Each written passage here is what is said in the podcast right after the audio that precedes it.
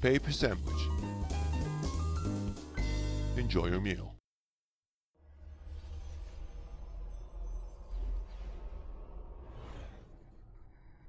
ما هي الغربة؟ ليست الغربة سفر أو بعد عن الأهل، بل هي شعور يغمرك دون أن تنتبه. لكل شاب وفتاة، لكل شخص استيقظ من نومه وقلبه يعتصر قلقا، لكل متسائل أين الطريق؟ وما هو المستقبل؟ وكيف سيكون؟ لكل من طرق الأبواب باحثا عن نفسه، عن إنجازه، عن دوره في الحياة لكل من يرى الحياة مجرد نفق مظلم لا نور في آخره إليكم هذا البودكاست العالم الذي نعيشه اليوم ليس نفقا مظلما فلو كان عالمنا اليوم يتحدث لقال لكم أنا بلا جغرافيا المكان. أنا عالم مكشوف مستوي مسطح. يضرب إشعاع النور كل ثناياه. إن بقي فيه ثنايا. لكل أولئك المستيقظين صباحا والسهرانين ليلا في دنيا القلق. يعلن لكم كتاب اليوم أننا دخلنا عالما جديدا. دخلنا ملعبا مستويا. اللحظة التي تتأكد فيها أن العالم صار ملعبا مسطحا. حتما ستفقد الشعور بالغربة.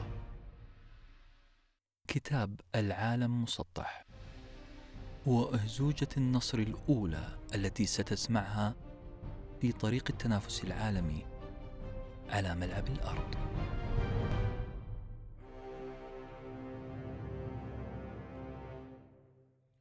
أنا من جيل الطيبين. كما يقال. جيل اللي رتم الحياة عندهم سهل وغير معقد كثيرا.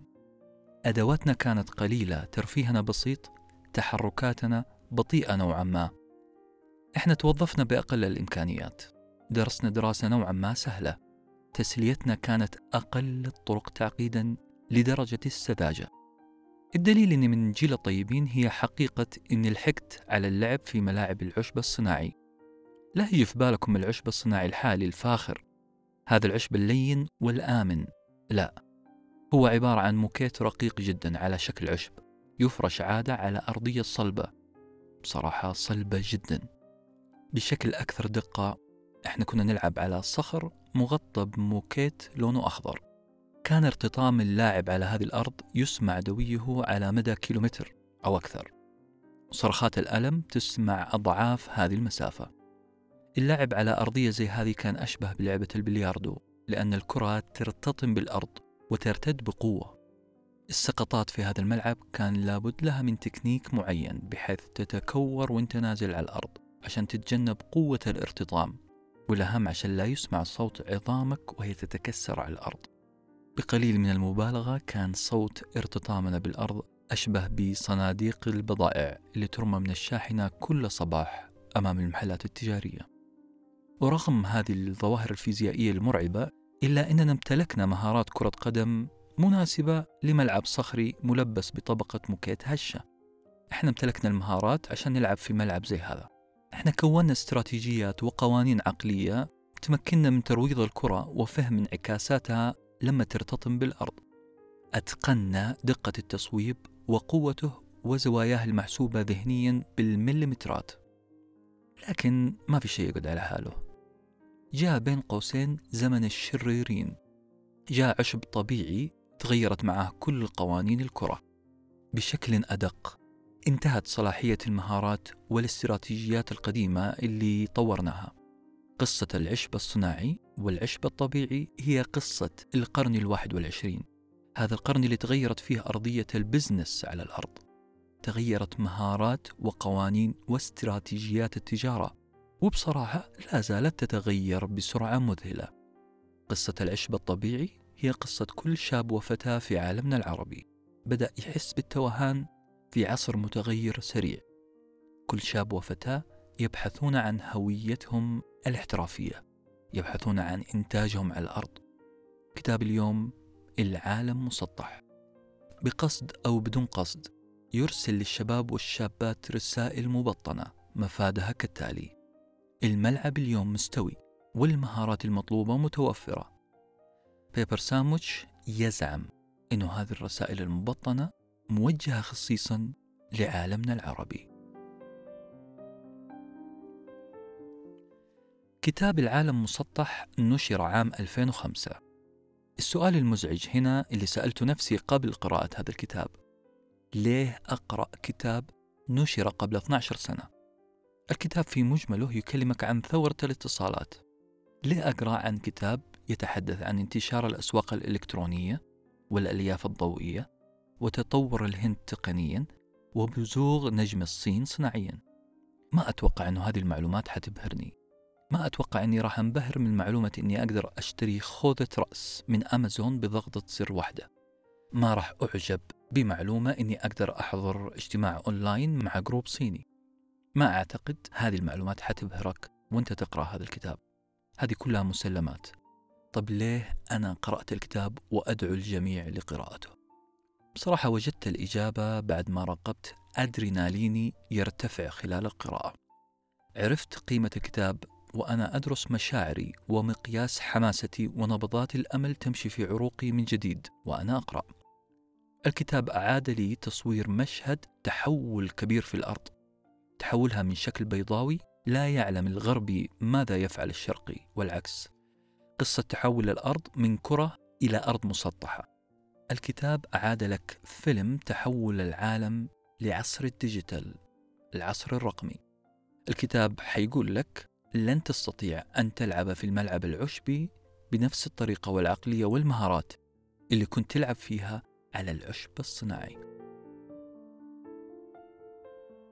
عظمة الكتاب إنه حيعمل كبوصلة لعقلك وتفكيرك وتركيزك. ستجعلك هذه البوصلة تعيد دراسة عالمنا اليوم. سترى العالم الرقمي بشكل جديد. يدفعك بأن تستخدم أدوات هذا العالم كمنتج لا كمستهلك. سيجعلك تعيد دراسة هذا العالم اللي تحول إلى عالم رقمي بدون أن نحس. ولا حد يزعل لأنه ما انتبه لهذا التحول. هذه ما هي تهمة. حتى وزير الدفاع الأمريكي الأسبق كولين باول لما سئل فين كنت أول ما عرفت أن العالم أصبح مسطح أجاب باول بهدوء كنت أبحث في محرك جوجل. هذه الإجابة الباردة وردت في الكتاب كرسالة أولى مبطنة لشبابنا وشاباتنا في العالم العربي. مفادها إحساس القلق طبيعي.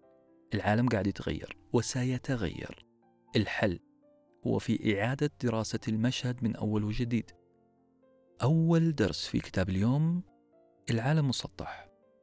يجب إعادة النظر في المشهد الحالي. العالم مسطح للمؤلف توماس فريدمان.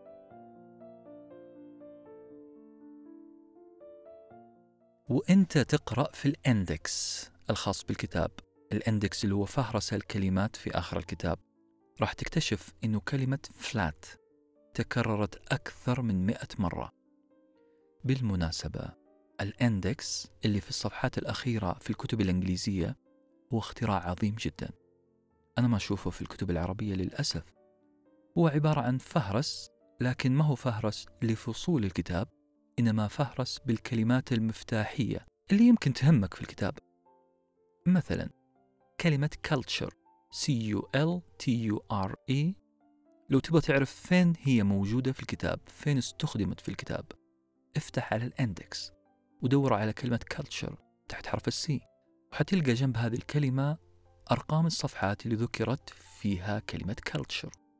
شيء أشبه بمربع البحث في مستند ال Word. ما علينا. كلمة flat اللي تكررت كثير في الكتاب معناها مسطح مستوي. المقصود هنا أن الكرة الأرضية لم تعد بيضاوية بل تسطحت بكيابل الألياف الضوئية فلم تعد تحجبنا تلال أو جبال. كلمة فلات بالإضافة لتكرارها مضمونها مهم جدا. أنت وباقي سكان الأرض على ملعب واحد مسطح. لم تعد الفردانية والبقاء في كوخ ريفي أو على حافة جبل للتأمل هي سمة هذا العصر. بل أنت وسكان الأرض كلهم أعدى سكان الأرض على ملعب واحد. بلا صح أنتم تلعبون في فريق واحد. لذلك تعرف على أعضاء هذا الفريق. تعرف على مركزك في الفريق. تعرف على إضافتك للفريق. وابدأ بالتعاون معهم. التجارة والإدارة والتفاعل بدأت تتحرك في هذا العصر بشكل أفقي horizontal لم تعد تتحرك بشكل عمودي vertical يعني عملية البيع والشراء الدراسة والتواصل ما عاد فيها بيروقراطية من أعلى إلى أسفل ما عاد في شيء اسمه التشكيل الإداري القديم حيث تبدأ العملية عملية البيع والشراء الدراسة تصدير القرار من أعلى إلى أسفل. لم تعد تبدأ العملية من المدير لنائب المدير لرئيس القسم لنائب رئيس القسم ثم للموظف العادي. انتهى هذا العهد. انتهى عهد مناقصة ترسى على شركة واحدة وهذه الشركة هي اللي تعمل كل شيء. انتهى. الآن المناقصة حتتوزع على عشرين فريق عشرين شركة كل واحدة تؤدي مهمة واحدة. الوضع تحول من عامودي محتكر لجهة واحدة إلى تشكيل تعاوني الكل يأكل من الكيكة قطعة. هذا الخبر مبهج جدا. هذا الخبر مبهج خاصة أنه في عصر يصيبنا فيه القلق. القلق من إيش؟ القلق من عدم قدرتنا على العمل أو الإنتاج بسبب بعد المسافة بسبب قلة الموارد أو البيروقراطية القاتلة. الكتاب يقول لك لست وحدك في هذه الأرض بل أنت لاعب في فريق كامل. على مسطح أخضر مفروض وكأن الأرض المسطحة الجديدة تغني لشبابنا العربي أهزوجة نادي ليفربول الإنجليزي. You will never walk alone. لن تمشي وحيدا أبدا.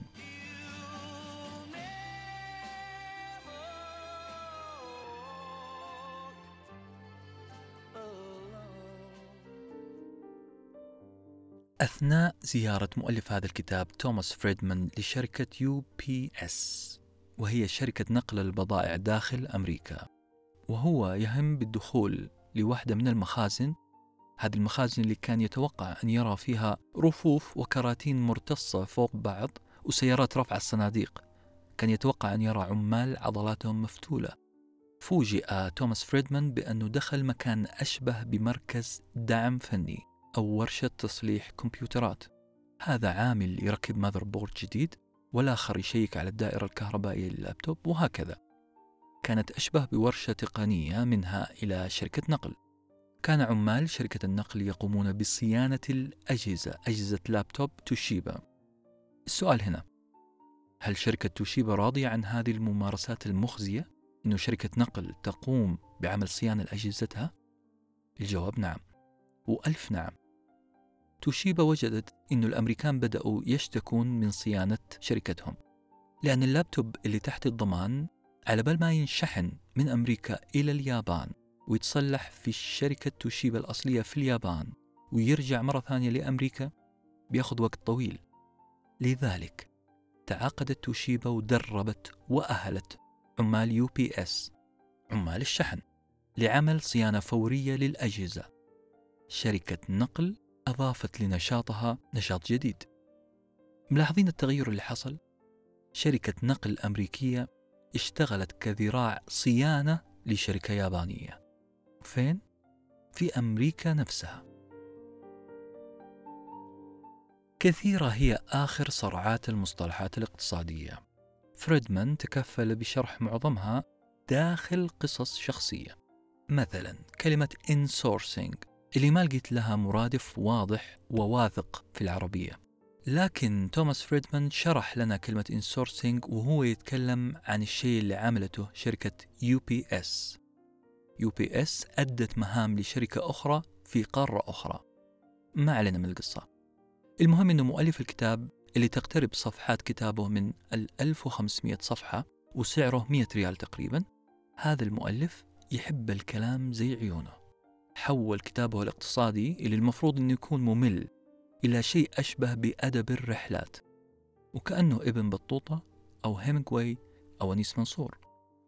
فريدمان عمل contextualization لكل المصطلحات الصعبة. contextualization يعني وضع لك المفاهيم المعقدة في سياق لن تنساه أبدا. وبما إننا نتكلم عن المصطلحات خلونا ناخذ أهم ثلاثة مصطلحات في الكتاب. Outsourcing. Outsourcing يعني فيه الكاتب هو تعاقد شركة كبيرة مع شركة أخرى لتنجز مهمة معينة. Insourcing العكس. شركتك تقوم بعمل محدد مع شركة أخرى. والمصطلح الثالث offshoring أي أن شركة تنقل كل عملها لبلد ثاني. هذا غيض من فيض. الكتاب مليان مصطلحات. اقتصادية وإدارية كثيرة. افتح الكتاب وابدأ في القراءة وستجد فريدمان يسرد لك المثال تلو الآخر بخصوص المصطلحات الاقتصادية. أقدر أقول لك أن الكتاب حيكون هو أول كتاب اقتصادي سياسي تجاري مليء بأجواء المغامرة المتعة والاحتفالات. كتاب حيعيشك أجواء ملعب وست هام الإنجليزي وكأنه يغني لك أهزوجتهم I am forever blowing bubbles.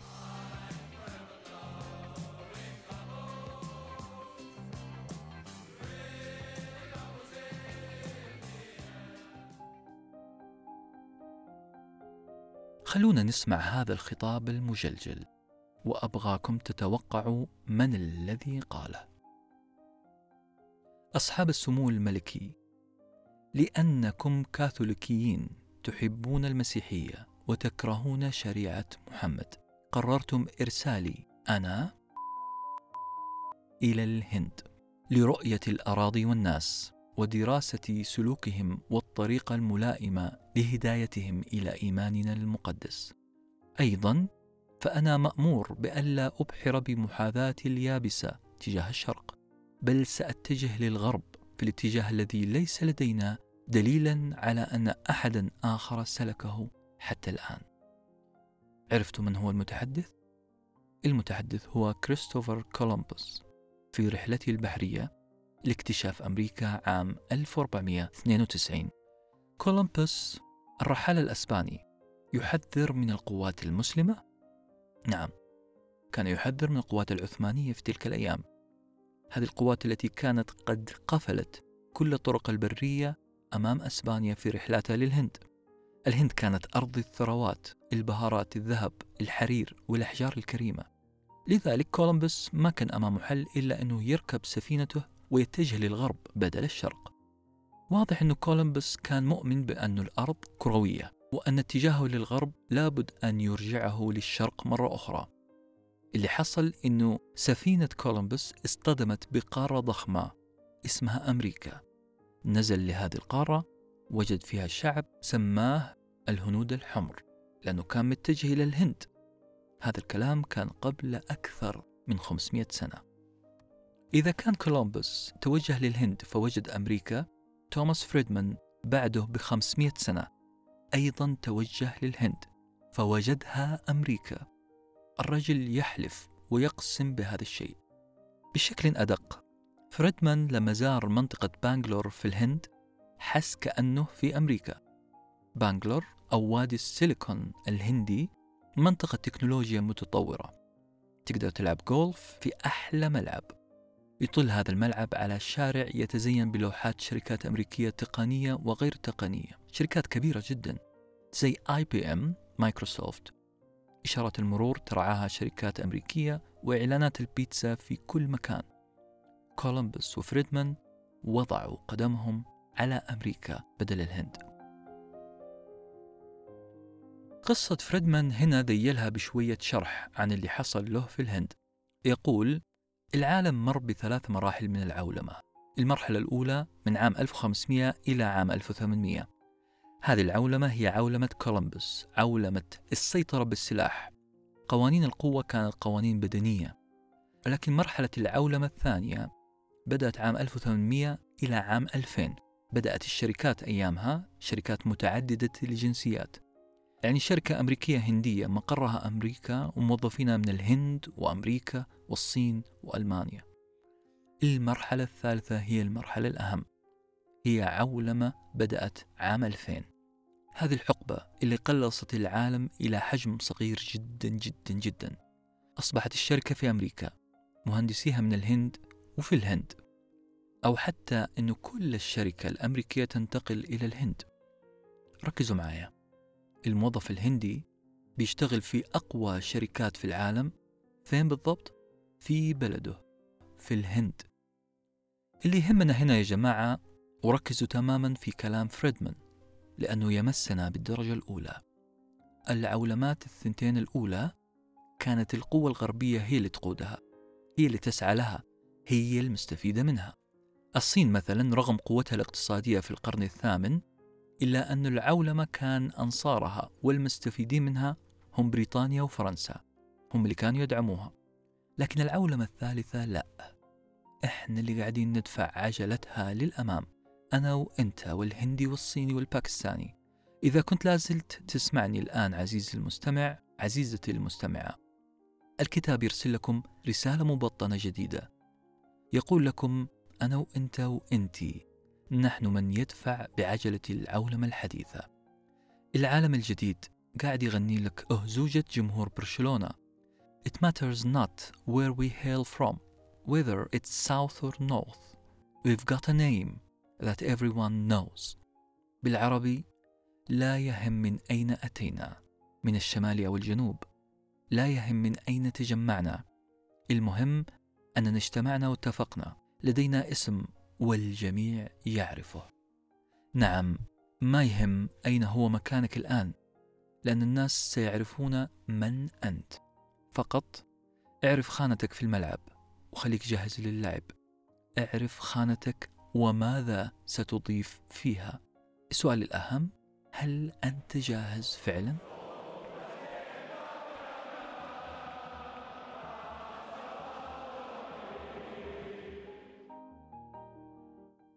فريدمان يقول قابلت شخص أصله هندي في الهند اسمه جيري.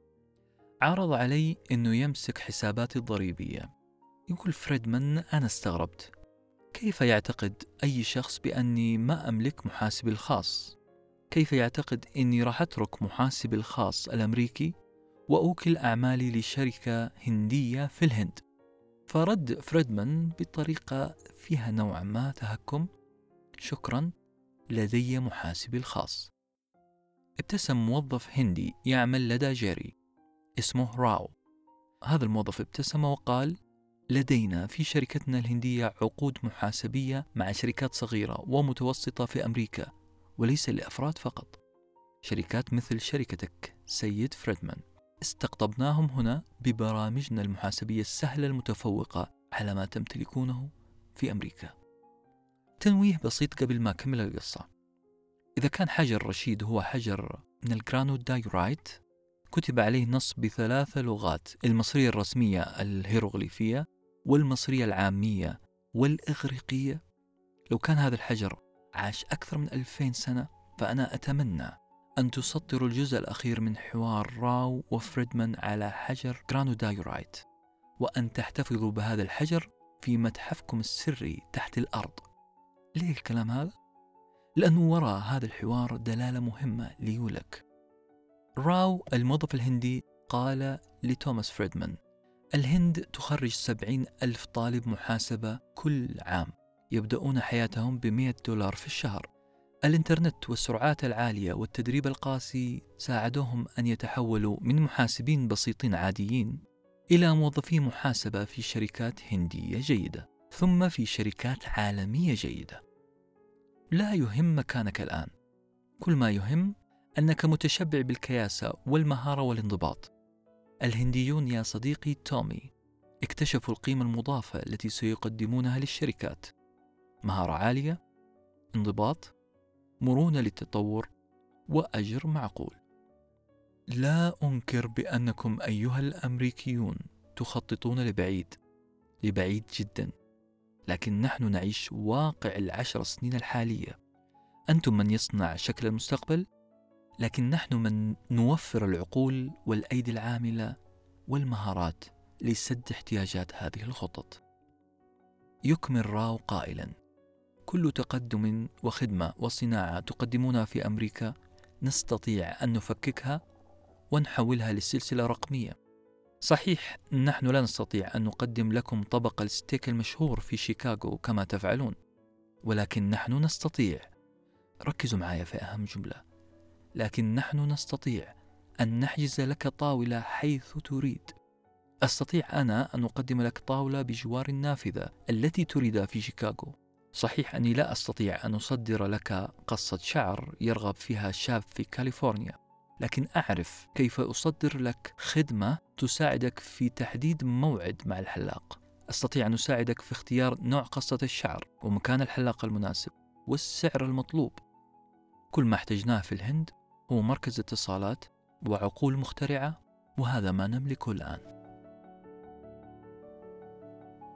تضمينات كلام فريدمان ورسائله المبطنة في القصص وخاصة هذا الكلام مع المحاسب راو تجبرنا أولا أن نشكر فريدمان على اختراعه لمصطلح فلات كل شخص ناله حظ وافر من الانضباط التعليم والتدريب المكثف والأجر المعقول والأهم الأهم الأهم هو قراءة السوق أول بأول والتساؤل ما القيمة التي سأضيفها لهذا السوق؟ هل توفرت فيك هذه الشروط؟ إذا توفرت امشي مارش عسكري ثابت تجاه أعتى الشركات والمجد حليفك. بالضبط كأنه جمهور مانشستر يونايتد يصرخ لك المجد لمان يونايتد ها هو الأحمر ينطلق للأمام.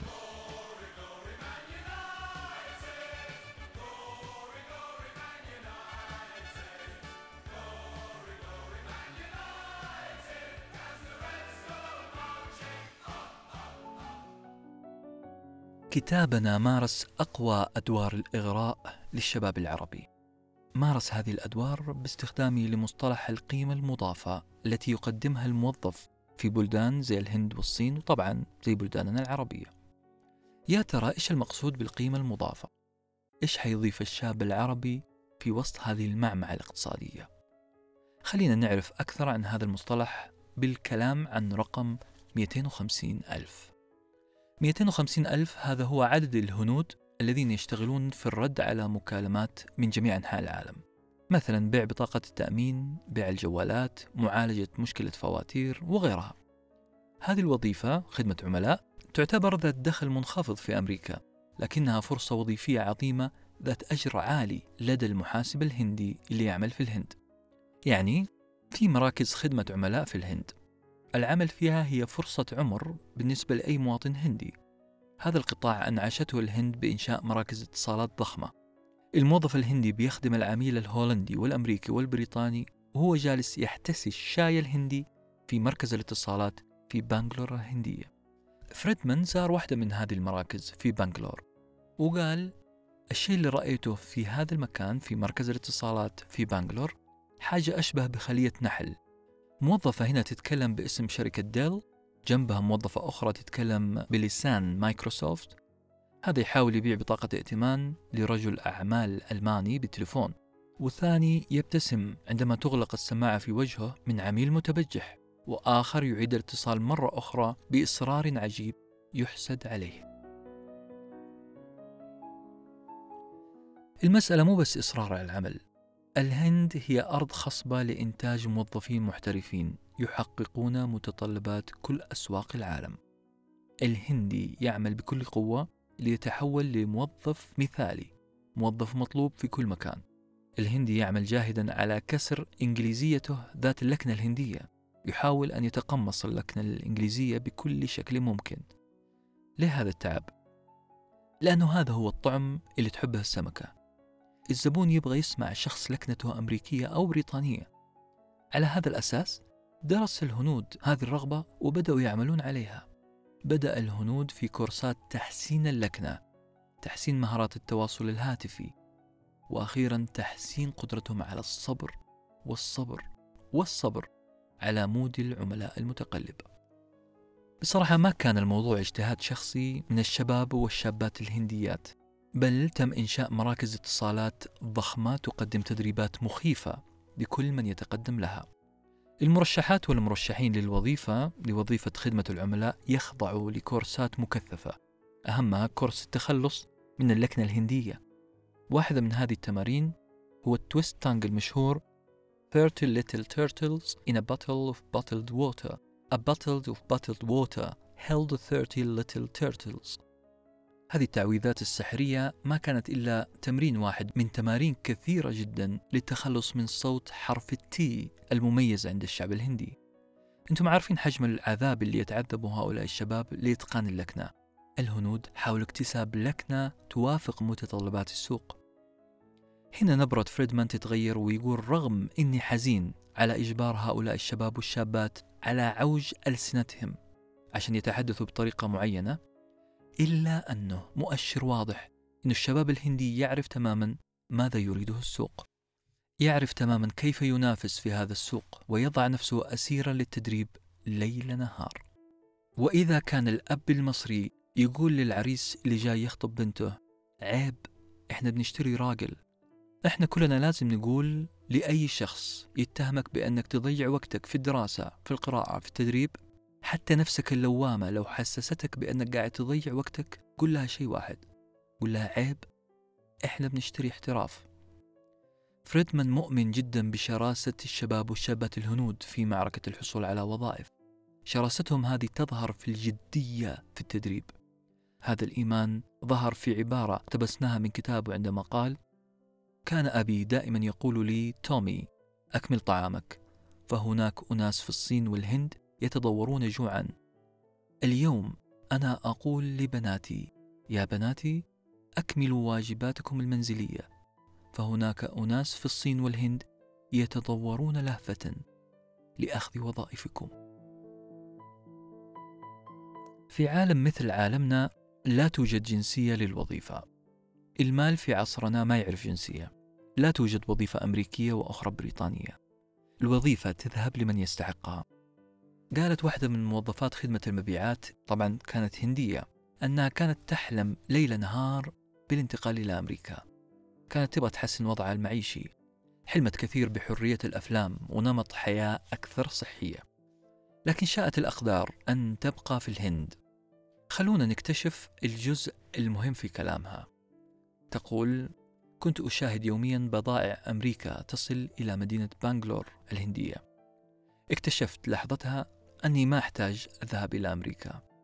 أنا أقدر أعمل من هنا بينما أنا أستمتع بطبق الأرز مع لحم الغزال وأستمتع بضرائب أقل وأهلي يدعمونني نفسيا كلما سقطت. أنا أعمل في بلدي وبأجر يحملني إلى حياة أحلم بها. كقارئ عربي أنا قاعد أقرأ رسالة مبطنة بين ثنايا هذا الكتاب. في ملعب مستو احتمالية أن ألاحظ وأن أبرز هي أضعاف ما كان في السابق. أنا كشاب عربي علي أن أسأل السؤال المهم. ما هي القيمة المضافة التي سأقدمها للعالم؟ نعم فرصة تواجدك في تشكيلة اللعب الآن واردة أضعاف ما كان يحدث زمان. هنالك ألف ميزة كامنة فيك. فقط تحتاج إلى التحفيز والتدريب والممارسة. هنالك ألف فراغ في السوق ينتظرك بأن تسده. العالم المسطح بكل جماهيره ينتظرك ليغني لك أهزوجة أرسنال. We love you Arsenal. We do.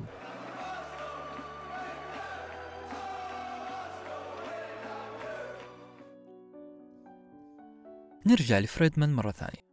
فريدمان سأل رائد الأعمال الشهير بيل جيتس لو خيروك تعيش عبقري في الهند ولا مواطن عادي في نيويورك؟ إيش حتختار؟ رد بيل جيتس بكل موضوعية قائلا لو تتكلم عن زمان أقول لك أكيد أني أبغى أعيش في نيويورك حعيش متنغنغ في الخدمات. لكن اليوم فأنا أفضل أن أعيش كعبقري في الهند لأن فرصتي في التعاون مع شركة ضخمة والعمل فيها كموظف محترف أكبر بألف ضعف من السابق. الملعب المسطح جانا على مأدبة فرشها من حرير. التقنية الرقمية وسهولة التواصل مع العالم جاتنا بالباراشوت. جات هدية لي ولك ولكل شاب وفتاة. جاتنا هدية من السماء. البعض يقول إنه بيننا وبين العالم الصناعي سنوات طويلة جدا عشان نوصلهم. لكن الكتاب يقول لك لا. مو لازم تبدأ من أول ما بدأ العالم المتطور. لكن ابدأ من حيث انتهى. البعض الآخر يشتكي يقول إحنا ما خططنا إلى الآن. الكتاب يقول المسألة ليست كلها تخطيط. القدر قد يتدخل في كثير من الأحيان ليفاجئ الحلقة الأضعف في هذه المعادلة كالهند مثلا ويهديها أفضل الهدايا. خلينا نكون واضحين. الأقدار أهدت الهند هدية قيمة جدا استفاد منها الهندي أيما استفادة. تقنية الألياف الضوئية انتشرت آخر عشرين سنة. الاستثمار فيها ارتفع بشكل مخيف. بدأت الشركات الأمريكية في الاستثمار بدأت تنشئ البنية التحتية هنا وهناك وهناك. كل هذا من أجل مصالحها الشخصية طبعا. اللي حصل أن الاستثمار في المدن التقنية لم يؤتي ثماره. خسر المستثمر الأمريكي مليارات ولعدة أسباب. لكن الأهم البنى التحتية بقيت كما هي تخدم بكل أمانة. الشاهد من هذا الكلام يقول فريدمان الشعب الهندي هو أذكى وأعنت وأصبر شعب في عملية الشراء. الهندي دائما ما يكون هو المشتري الثاني. بمعنى أنه ما يغامر بشراء شيء جديد ما يأسس شيء جديد. هو يشتري فقط شركة قائمة. يشتري شركة أفلست أو على وشك الإفلاس. يشتريها بأبخس الأثمان. الهنود ما اشتروا ولا استثمروا في الألياف البصرية بل انتظروا حتى أسس لهم الأمريكيون الألياف البصرية. الهنود استخدموا هذه التقنية اللي أسسها غيرهم بدون مجهود أو تكاليف تذكر. الهنود استغلوا الظروف وبدأوا من حيث انتهى الآخرون. شيء منطقي أن الشعب والحكومة الهندية لن تستطيع إنشاء عالم من الألياف الضوئية. بلد زي الهند ما يمتلك ثروات طبيعية وجد نفسه أمام تقنية هبطت عليه من السماء بباراشوت أمريكي الصنع. تقنية تستطيع توظيف مئات الآلاف من العقول الذكية الفتية بدون أي تكلفة. تومي يقول هنا الحظ لعب دور ليس الحظ بس بل الحظ والاجتهاد والتعليم. الهند ما استخدمت التقنية استهلاكا فقط بل وظفت هذا العالم الجديد وظفته لها وجهزت شبابها للعيش فيه. الجامعات والكليات التقنية وإدارة الأعمال في الهند بالمئات. تعليم صارم تعليم مخيف. لا رشوة فيه ولا واسطة. الداخل في هذه الكليات مفقود والخارج مولود لدرجة أنه هناك من يقول أن التخرج من كلية تقنية هندية أصعب من التخرج من هارفارد. الرسالة المبطنة الجديدة في الكتاب. يا عرب الأقدار تخدمكم بعض الأحيان. الأقدار ستخدمكم فعلا في حالة واحدة فقط. إذا فهمتم الواقع صح. يا عرب لا تنسحبوا المعركة ليست لكم. قد تكون الظروف اللي يروج بأنها ضدك على العكس تماما قد تلعب في صالحك.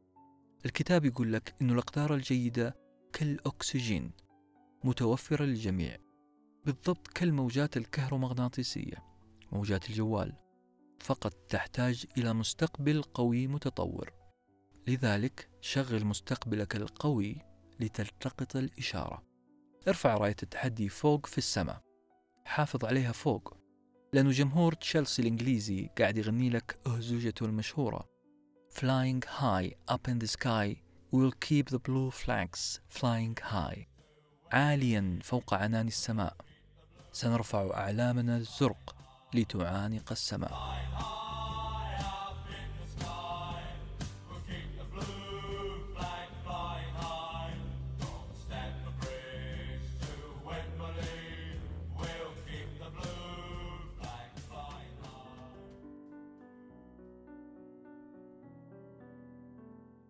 طولنا عليكم. نوصل للنقاط الأخيرة. قراء هذا الكتاب أعلنوا وبكل صراحة أنه كتاب ألهمهم وغير حياتهم. للأفضل طبعا. ملأ روحهم بالإلهام وقلوبهم بالأمل. لكن في قراء آخرين تخوفوا من أنه كتاب حالم شوية. بعضهم قال أنه مغرق في التفاؤل. وآخرون اتهموه بأنه واقعي زيادة عن اللزوم. ملاحظين التناقض؟ ناس تقول أنه كتاب متفائل حالم وناس تقول إنه كتاب واقعي زيادة عن اللزوم. هذه مفارقة الانتقادات اللي لحقت بهذا الكتاب. خلونا نفتش في هذه الانتقادات. الاتهام الأول يدعي بأن الكتاب مغرق في التفاؤل. هذا التفاؤل بأن الشعوب قادرة على قلب الطاولة فوق تحت. خلونا واضحين. في اتهامات كثيرة لفريدمان بأنه بالغ في استشراف مستقبل الهند. بالغ بوصف وضعهم الاقتصادي هذه الأيام. الرجل صور لنا الهند وكأنها بدأت تتحول لأرض الأحلام. نعم إحنا معجبين بالقفزة الهندية لكن لا تزال الفقر يضرب شعبها ضربا مبرحا. باختصار الرجل بالغ في تمجيد وضع الهند الاقتصادي بالذات. الاتهام الثاني هو أن الكتاب واقعي متشائم ومنتقص للإرادة الإنسانية. بشكل دقيق الكتاب يطنطن على أن العالم يحكمه الاقتصاد. المال ولا شيء غير المال. الاقتصاد هو اللي يمشي الناس ويمشي البشر كلهم على مزاجه. بكلمة واحدة الكتاب متهم بالإغراق فيما يسمى ب وحط لي خطين تحت هذا المصطلح الحتمية الاقتصادية Economic Determinism. كل شيء في الدنيا جبري ومحكوم ومحسوم ومحتوم بالاقتصاد.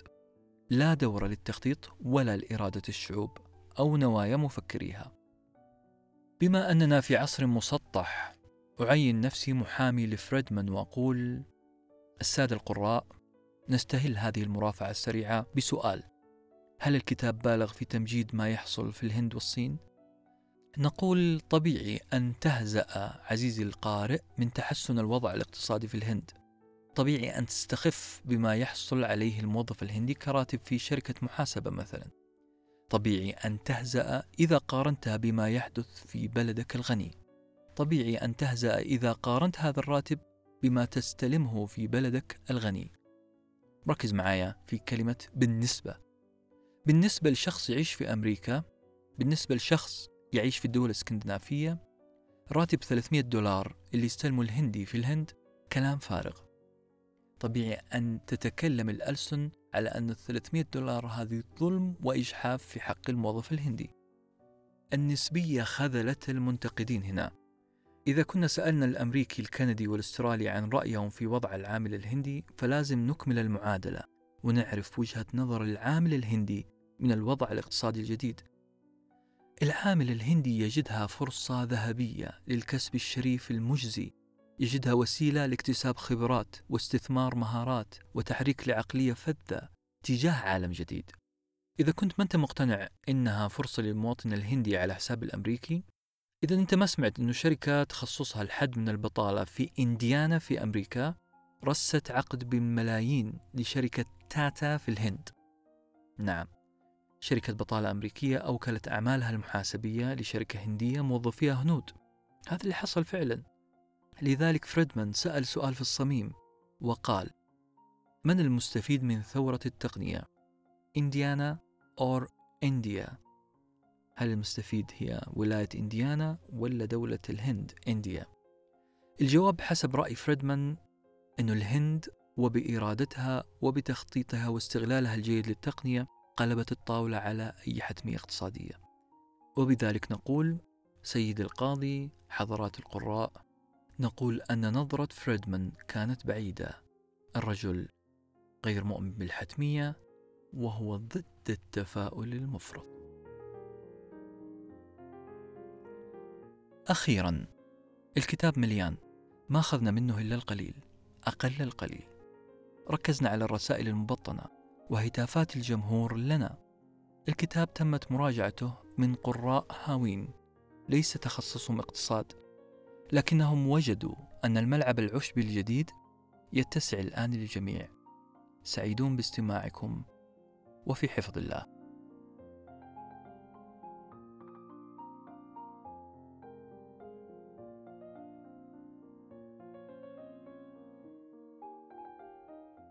Paper sandwich.